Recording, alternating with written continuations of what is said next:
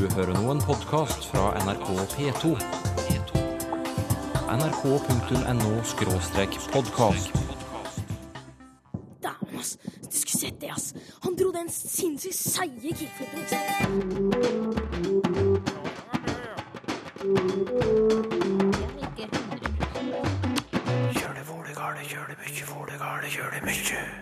Hvilket språk tror du er lettest å lære for eh, nordmenn? Nei, engelsk. Men det stemmer ikke. Jeg tror nok at jeg vil sette engelsk på tredjeplass, iallfall. Det er en fordel for samiskspråklige elever å gå på egen skole. De snakka samisk bedre, og de brukte også samisk mye mer. Og han Tykje. Hvorfor sier vi det? Det er en teori om at eh, det skal ha å gjøre med han eh, astronomen Tycho Brahe. Hvilket språk utenfor Skandinavia er lettest å lære for nordmenn? Nei, engelsk. Eh, Jeg vil nå tro at engelsk er lettest, for det er det vi har. Jeg vet jeg har jo hatt tysk, og det er så masse grammatikk der som er veldig vanskelig. Nei, det må nå være engelsk, da. Hvorfor? Nei, det er noe internasjonalt språk å greier, da, så Hvilket språk tror du er lettest for nordmenn å lære utenfor Skandinavia, da? Tysk. Hvorfor? Nei, det har noe med historie å gjøre, tenker jeg. English. I guess it's English, yes. Engelsk. Hvorfor tror du det? Nei, det er jo fra barnsben. Det har bestandig vært det opplæring på skolen og sånne ting. Så, og så er det jo lett å lære, forstår jeg.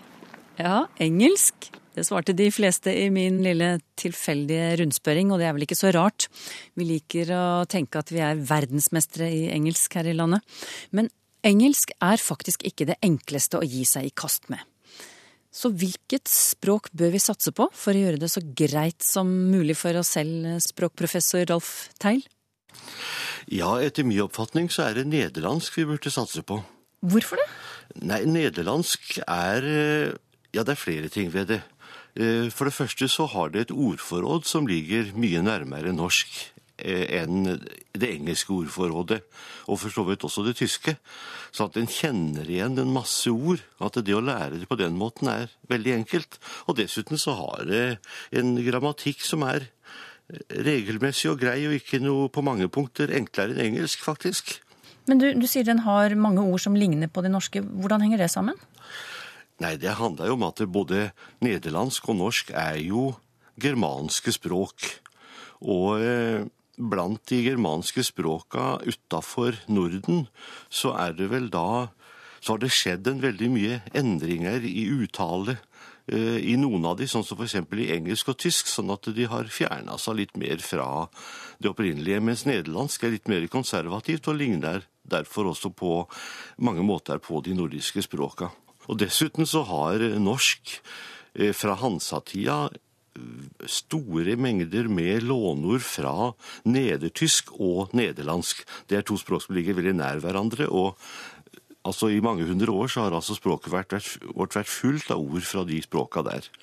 Jeg har et lite klipp med nederlandsk her. Det er hentet fra en gammel fjernsynssending, eh, Team Antonsen, hvor nederlandsk spilte en, en viss rolle, uten at vi skal bruke tid på å forklare det så noe særlig nærmere. Men uh, la oss bare høre på det først. ik, ik zing eigenlijk het liefst in het Nederlands, weet u. Kijk eens, tenslotte wonen we in Nederland. En waarom zou je de mensen dan Frans en Engels voorzetten, nietwaar? Kijk eens, in een restaurant vind ik dat wat anders. Een goed menu moet eigenlijk in het Frans zijn, want dan, dan smaakt het ook lekkerder. Hva er det vi kan kjenne oss igjen i her, Rolf Teil? Ja, nei, altså Han sier jo ganske tidlig 'vet du'. Mm. Altså 'vet' er det samme som 'vet' på norsk. 'U' det er da 'du'. Det er ikke så veldig likt, men når du sier 'vet du', så låter det veldig likt 'vet du'. Ja. Og så sier han eh, Han bruker altså faktisk ordet 'lekker', som nettopp betyr lekker, beha eh, delikat. Og så sier han en hot menu, en god meny.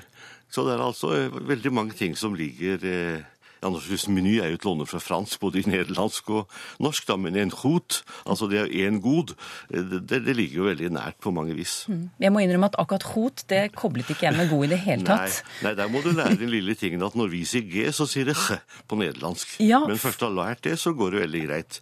De sier å gå, de sier for eksempel. Ja, for jeg tenkte på, Når du sier at nederlandsk er for nordmenn det letteste språket å lære utenfor ja. Skandinavia, så tenker jeg umiddelbart tenkte jeg, hva med uttalen? For du har jo, ja. som du nå har demonstrert, disse spesielle lydene i, i nederlandsk, og de virker jo veldig vanskelig å få til. Nei, altså, Det er egentlig ikke noen særlig andre lyder i nederlandsk som ikke finnes i norsk, da, enn h. Mm. Som de da noen ganger skriver g, sånn som i hot, eller med med, med, CH i en del ord også. Nacht heter det f.eks. akkurat som på tysk. da. Mm. Eh, men det er jo ingen andre lyder som er vanskelige. Ja, Men hva, er det da, hva kommer det da av at uh, de fleste jeg snakket med, mente at engelsk er det letteste språket for nordmenn å lære? Ja, altså, hvis vi tenker ut ifra at vi ikke til daglig hørte de språka her, noen av de, mm. eh, rundt oss på alle kanter, så ville de stille likt. Men fordi vi nettopp blir utsatt for engelsk hele tida, så får vi en følelse av at det er lett å lære.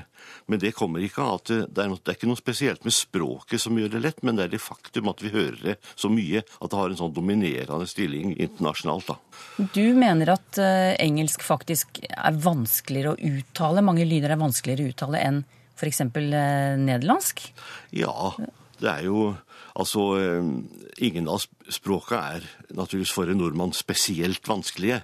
Men altså, hvis vi skal sammenligne, så er det lett å finne eksempler på lyder som fins i engelsk som ikke vi har i norsk. Og det, er vel flere lyder i engelsk som er forskjellige fra de norske. Det gjelder, når det gjelder konsonantene, så har det naturlig sånne, sånne ting som eh, ja, her, de to lydene som blir skrevet TH, th og v-lyden, mm. Eh, som ikke vi har i norsk, da. Og så er det naturligvis da eh, en del Ja, vokalsystemet er jo ganske rart og fremmed. Med en del sånne lyder sånn som i buss og en del sånne rare ting. Som ikke du finner i nederlandsk, faktisk. Nei. Så hvis vi ikke hadde blitt eh, badet i engelsk da fra ja. vi var små, så ville, eh, så ville, vi hatt mye større problemer med, med å uttale engelske ord enn ja, en nederlandske. Det er det du sier? Ja, og dessuten så har vi vel tross alt likevel ganske vanskelig for å uttale engelsk. Det er ikke spesielt lett å uttale, og det er vel langt mellom nordmenn her som uttaler det sånn at det låter skikkelig ekte. Mm, det er bare noe vi tror, det, altså. Ja, det er vel egentlig det. Men du, vi har jo egentlig begynt på en, på en liste, vi nå. Ja. Vi har plassert eh, nederlandsk som det språket utenfor Skandinavia som er lettest for nordmenn å lære, ja. hvis vi tenker oss at vi ikke har vært utsatt for noen ja. Eh, språk fra barndommen av osv. Ja, Nummer to, da? På den listen? På, på annenplass vil jeg faktisk sette tysk. Fordi? Eh, igjen har vi nettopp det her forholdet med ordforrådet. Mm. At vi har et mye, mye, mye større felles ordforråd med tysk enn med engelsk, da, for å sammenligne med det. Det, er, eh, det, har naturligvis å gjøre med vår historie, at vi, vi har vært utsatt for påvirkning, nettopp med, når jeg sa, eh, fra nedertysk og nederlandsk, og da det har da skapt stor, et stort fellesskap i ordforrådet mellom eh, norsk og, og tysk.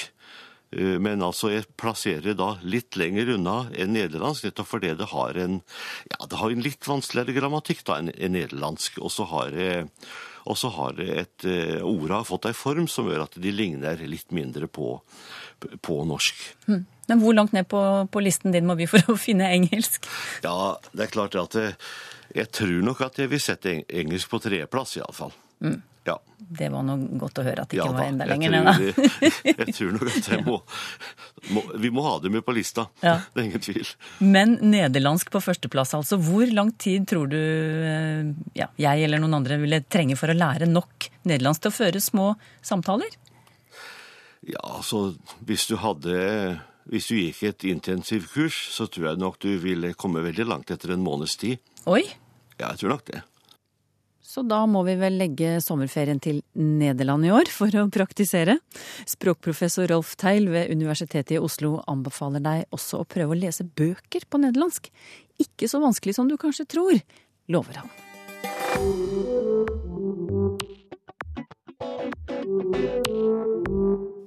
I Språkteigen forrige gang spurte vi annet hva skjer når skoleelever med samisk som førstespråk blandes med elever som har samisk som andrespråk. Der hvor flerparten vil snakke norsk, der snakkes det norsk. Og sånn er det en gang i den samiske verden. Jeg tror ikke at man skal, man skal holde på å si svartmale det. Det er snakk om Diano Sami-skola i Tana, som får en norskspråklig skole som nabo. Da vil det også være naturlig at elevene møtes og snakker sammen i løpet av skoledagen.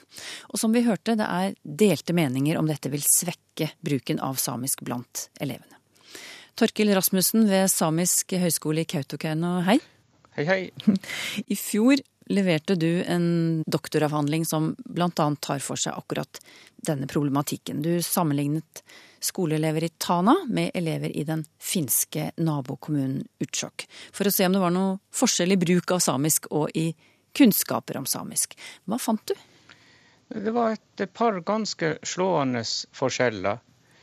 Eh, de elevene som da gikk på skole i Tana, altså de samiskspråklige elevene i Tana kommune, de eh, oppga både at de, de snakka samisk bedre enn eh, tilsvarende elever i Utsjok, og de brukte også samisk mye mer. Både på skolen, men også med venner utenfor skolen. Så det var en, en markant forskjell som, som, jeg etter hvert kom frem til bare kunne komme av eh, skolemodellen som ble brukt. Ja, si litt, altså, si litt mer om det. Hva slags skolemodeller eh, var det her? Ja, altså I Tana så har man, eh, så har man enspråklige samiskspråklige skoler og enspråklige norskspråklige skoler. Men i nabokommunen Utsjok så har, er alle elevene under samme tak. Det er tre skoler i kommunen, og alle tre skolene har undervisning på samisk og på finsk, men den undervisninga foregår da i separate klasser. Eh, men bortsett fra i, i skoletimene, så er elevene stort sett i lag på, i friminuttene og på andre så felles aktiviteter på skolen. Og det viser seg at de bruker da, da samisk i, eh, i friminutt og felles aktiviteter veldig lite i Utsjok. Mens de har de elevene, tilsvarende elevene på, på, i Tana kommune eh, har samisk som, som hovedspråk eh, på skolen med skolekamerater. Hvorfor bruker elevene i Utsjok eh, samisk i mindre grad enn en i Tana, da, tror du? I friminuttene og sånn? De har forklart i, når jeg har hatt kvalitative intervju med en del av elevene, at de er bare blitt vant til å snakke finsk på skolen fordi at det er det som er, er hovedspråket der. Og det er mange, veldig mange finskspråklige rundt dem, og da syns de ikke at de kan snakke samisk. Mm. Sier de noe om hva de syns om det? Hvordan de opplever det? De elevene syns eh, nærmest at det bare er naturlig, altså de har intervjua. Det blir bare sånn. Men hva tror du det har å si for uh, framtiden deres som samiskspråklige? Ja, det er det som er det, det problematiske. At uh, de snakker ikke bare samisk lite med venner på skolen. De snakker også, også lite med venner utenfor skolen, fordi de er blitt vant til å, å snakke finsk med dem. Og i betydelig lavere grad enn elevene i Tana snakker de samisk med sine egne søsken. Jaha, hvorfor Så det? De, snakker, nei, de er bare, rett og slett bare blitt vant til å snakke finsk. Mm. Og Derfor går de ikke over til, til, samisk heller når de kommer hjem. De snakker samisk med en eller begge foreldrene, men, men finsk, finsk med søsknene. Denne skolemodellen i Tana, den samiskspråklige skolen som også er med i undersøkelsen din. Ja. Eh, hvorfor har man valgt eh, en sånn skolemodell? Du må hjelpe oss litt med, med bakteppet her, det historiske bakteppet, som jo er en forklaring.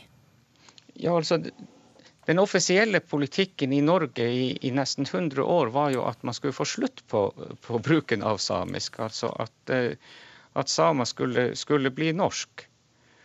Og skolen var det viktigste hjelpemiddelet i den, i den, prosessen. At det rett og slett ikke skulle brukes samisk på skolen. Og når denne politikken ble avslutta og det var jo var det veldig, var veldig mange steder allerede språklig fornorska. Det var ikke unger igjen som kunne samisk, og det var ikke eh, heller, I mange steder var det heller ikke folk i foreldregenerasjonen som kunne samisk. Tana skiller seg litt ut ifra det. At det, det var fortsatt eh, elevkull med hvor om lag 10% av, av ungene kunne samisk. Eh, mens den etniske sammensetninga er, er, noe sånn som kanskje 70% samer. Sånn at vi var vitne til at et språkskifte var, var på vei til å bli helt, helt, komplett. Og I denne situasjonen så snur da politikken, og nå skal man støtte samisk. Men det var veldig få, få elever da som kunne det.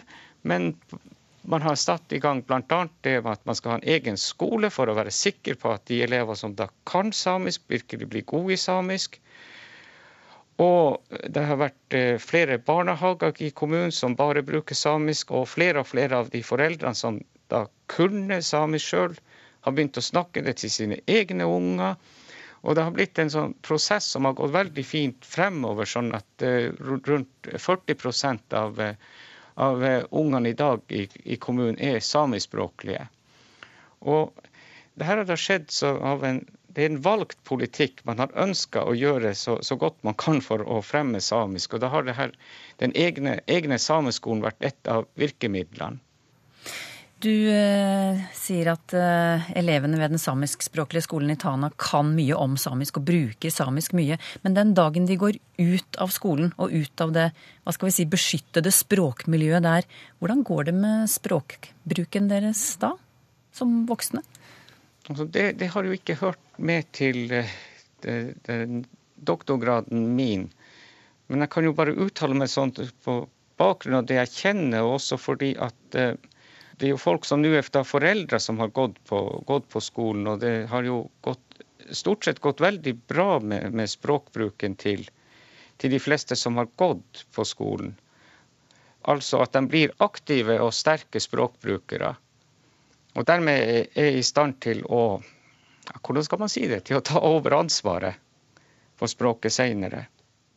Torkel Rasmussen, er førsteamanuensis ved Samisk høgskole i Kautokeino, og har altså skrevet doktoravhandling om bruken av samisk i Tana og i den finske nabokommunen Utsjok. Det blir kveld, og så blir det morgenkveld, og så blir kveld hvis ikke jeg blir klein. Cruisehund er et av ordene lytterne spør om i dag, Tor Erik Gjenstad, men vi begynner med noe som ikke er fullt så koselig. Tykjen, eller han Tykje. Et nordnorsk navn på djevelen, skriver Håkon Kvale Bakke, og han vil vite opphavet. Ja, han Tykje, ja. Eh, for å ta litt geografi først, da, så er det jo mest kjent i Nord-Norge. Men eh, det går videre. Eh, det går helt nedover Vestlandet. Og, og faktisk òg Nord-Gudbrandsdalen og helt ned til Trysil er han Tykje kan være på, på ferde må si at eh, opphavet er usikkert. Høgst usikkert. Eh, det er en teori som går på folkemunne om at eh, det skal ha å gjøre med han astronomen Tycho Brahe, som levde på 1500-tallet. Og at han da fikk tildelt len- og skatteinntekter oppe i Nord-Norge og ble upopulær av den grunn, slik at han fikk da gi navn til, til styggen sjøl. Men uh, det er nok uh, en folkeetymologi, så jeg tror vi må si det at til så lenge så er opphavet til han Tykje usikkert. Men det er jo fryktelig mange navn på karen der, men ikke er så kjær akkurat, så han har fått mange navn. Og det er jo behov for omskrivinger her. Og det, det er Hinmann og det er Styggen og mange slike. Men så er det jo det her eh, der det går inn et personnavn. Altså Du har Gammel-Erik, eh, som er nokså utbredd. Og der er det jo noen teorier om det, og noen vil ha det til at det her er egentlig Eirik Blodøks, sønn til Harald Hårfagre, som nok var en stygging på, på mange vis. Svensk eh, ja, forskning eller litt spekulasjon, må man det, så eh, har de knytta det til Erik den hellige, kong Erik den hellige, som var hellig, altså som har en merkedag, Ersmessa, som var 18. mai. Men at, da, den da skulle ha vært detronisert etter reformasjon, og dermed fått eh, gi navn til, til en gammel Erik, altså. Og så har du da i Trøndelag så er det en gammel sjur, eller gammel skjul, som er den vonde. Og det har de jo også svensker da, har, har prøvd å knytte til drakedreperen, altså Sigurd Fovnesbane. I, her, I den eldre Edda og i Nibelungenlid, han som vant over draken. På samme måten så vant da Kristus over synda, og de eh, har da tenkt seg at Sigurd drakedreper ble da også detronisert og erstatta av Kristus, og dermed da kom til å stå for vonde makter. Alt det der er temmelig usikkert. Det er flere personnavn som er brukt av Gammelbår og Gammeltol, eller Gammeltor. Det kan jo knyttes til guden Thor, sjølsagt. Uh, Gammelesten i Oppdal, helt lokalt. Og det kan jo være det at det rett og slett er at en har tydd til et personnavn når en har bruk for å omskrive det her vesenet der. Hvorfor heter det krushund, spør Bjarne Isaksen. Ja, krushund det er jo en pyntegjenstand av krustid, da. Et nordnorsk ord er det der. Og det er vel fordi at det opprinnelig har vært en hund, da. Og Seinere så har det blitt andre figurer, men det starta kanskje ut med, med en hundfigur. Det er jo òg brukt overført til om en forsiktig og svak person. Og så er det jo ei historie som går opp i Nord-Norge flere plasser, som annet Arthur Arntzen har med òg i ei bok om cruisehund. Altså det er ei kjerring som kommer inn på en butikk og ser seg rundt, og så sier hun omtrent sånn at ja, gryn og mel og margarin og sukker og mannskit, det har dere, men krushunder som folk virkelig trenger, det har dere ikke. ja. Du, Gunda Djupvik, hun forteller at hun bruker ordet sånalukt, om den mugne lukten som kan komme i tekstiler i fuktige hus, i fuktige skittentøyskurver eller i treningsbager. Og så lurer hun på om dette er et ord som blir brukt i særlig grad, eller om det er et veldig lokalt ord. Selv kommer hun fra Søre Sunnmøre. Ja, akkurat denne sammensetninga sonalukt, det har oss ingen andre belegg på. Men verbet her i førsteleddet, å såne, det er jo for så vidt kjent, men det er nok ganske lokalt for Nordvestlandet. Det betyr jo da å, å, å, skjemmes uh, sånn sett, men òg å, å miste smaken og, dovn eller suren om mat. Kanskje særlig om fisk at det har vært bruka, men det her er da lokalt for Nordfjord og Sunnmøre, ser det ut for. Ivar Aasen har det òg ifra Nordland. Et annet verb, å såne, som kanskje er i slekt, og kanskje er samme ordet, egentlig, også fra samme område, Nordfjord og Sunnmøre, da betyr det å gå seint, og nærmest slepe seg av sted og, sommel. Og det antyder rotfellesskap med å sine, som å, å sine opp, altså tørke ut om, om ku som slutter å, å gi mjølk. Odd Tarberg sender oss ordet utrøne, et ord som vi på mine hjemtrakter, skriver han, altså ytre Sunnmøre, bruker istedenfor solgangsbris.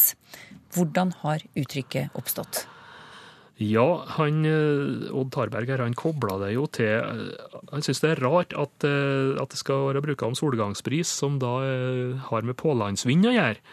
Han lurer på at det bør egentlig ha noe å gjøre med noe som rynder ut ifra land, helst. da.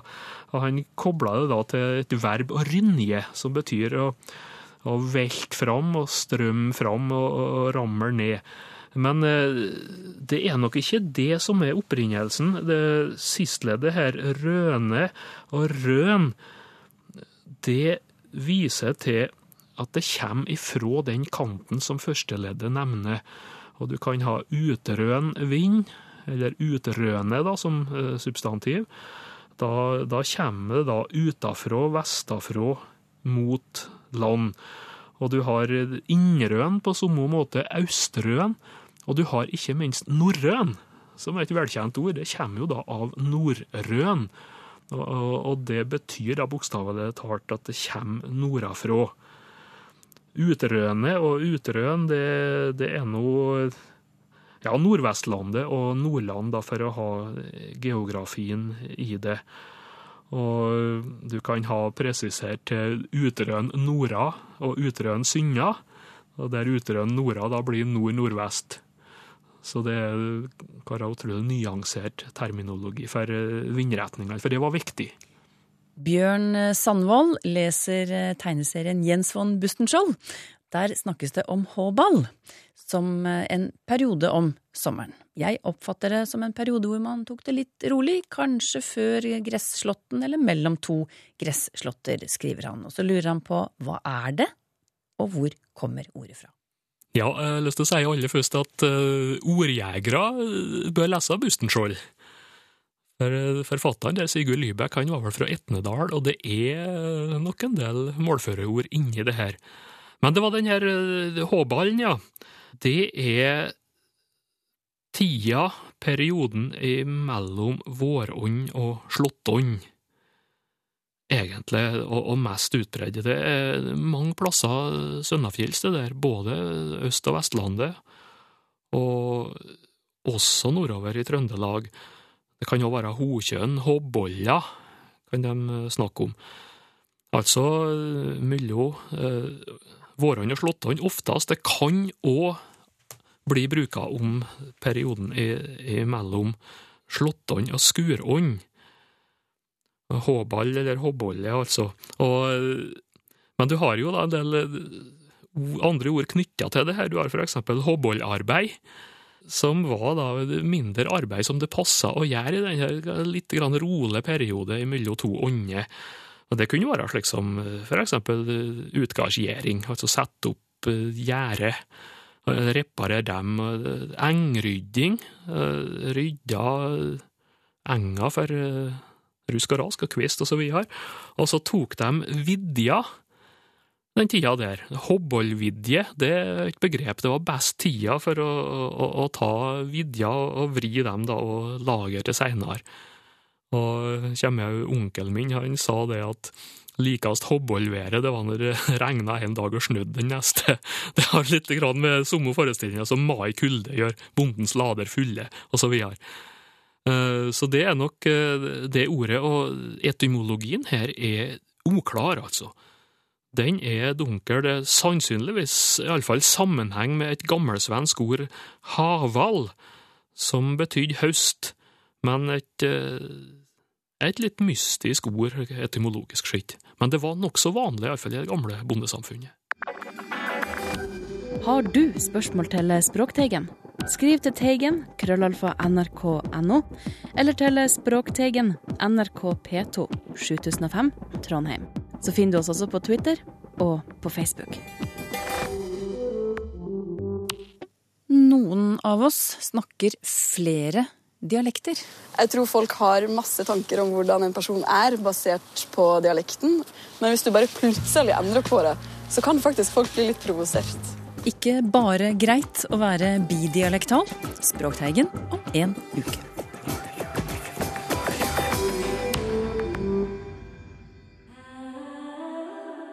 nrk.no podkast.